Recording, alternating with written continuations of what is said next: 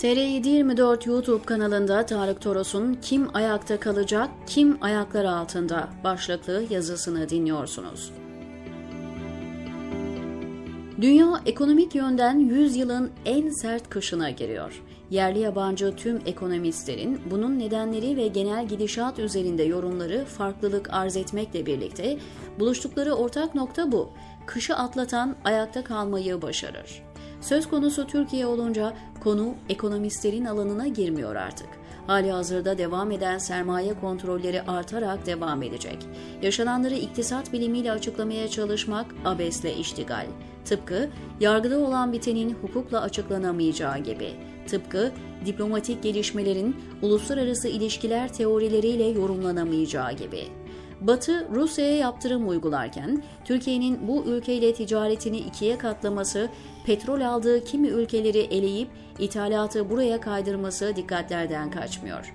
F-35'lerden sonra F-16'ların hayal olması konuşuluyor. Neden konuşulmasın ki? Ankara, Washington'da lobi yaparken Rus tarafından ikinci parti S-400 anlaşması telaffuz edildi. Adeta F-16 sürecini sabote edercesine. İsrail'le karşılıklı büyükelçi ataması haberi de Ankara mahreçli değildi. Türkiye'nin bir dış politikası yok. Olmadığı gibi idaresi dışında yönlendiriliyor. Tabir yerinde ise içinde bulunduğu aracın içinde her kafadan bir ses çıkıyor. Ankara navigasyonda nihai varış noktasını göremediği gibi geçeceği kavşaklardan da bir haber. Hatta direksiyon hakimiyeti var mı? O da belli değil. Buna Suriye'de Esad'la ilişki kurmaya zorlanmasını da ekleyelim. Türkiye'nin bir dış politikası yok.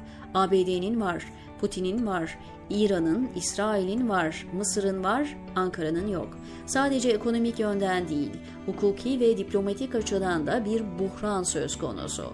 Böylesi ortamlarda denge denetim biter, kalite düşer. Hemen her alanda insan yaşamı tehdit altındadır. Sokak hayvanlarının yaşam hakkına dair tartışmaları uzaktan sitemle izliyorum temel insan haklarına duyarsız kalan, bebeklerine, çocuklarına sahip çıkamayan toplum hayvanların yaşamı için organize olmaya çalışıyor.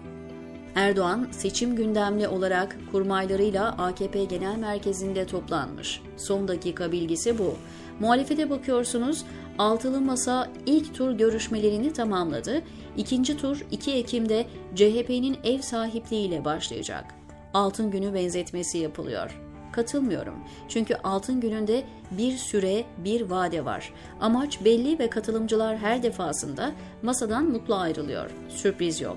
Altılı Masa'nın son toplantısından BBC'ye bilgi veren üst düzey bir kaynak üç amaçları olduğunu söylemiş. Ortak aday çıkarmak, geçiş sürecini planlamak, güçlendirilmiş parlamenter sistem, anayasa değişikliğini sağlayacak kadar milletvekili çıkarmak, Sonra da eklemiş. Yılbaşından önce bu konularda bir netleşme olmaz. Yaz boyunca masadan beklenti neyse 4 ay daha ileri attı anlayacağınız. Gelişmeleri Amerikan dolarının belirleyeceği sert bir kışa giriyoruz. Kışı atlatan ayakta kalmayı başarır. Türkiye'de kim ayakta kalacak, kim ayaklar altında? Fazla beklemeyeceğiz. Umut var olmakla birlikte her geçen gün azalıyor diyor Tarık Toros TR724'deki köşesinde.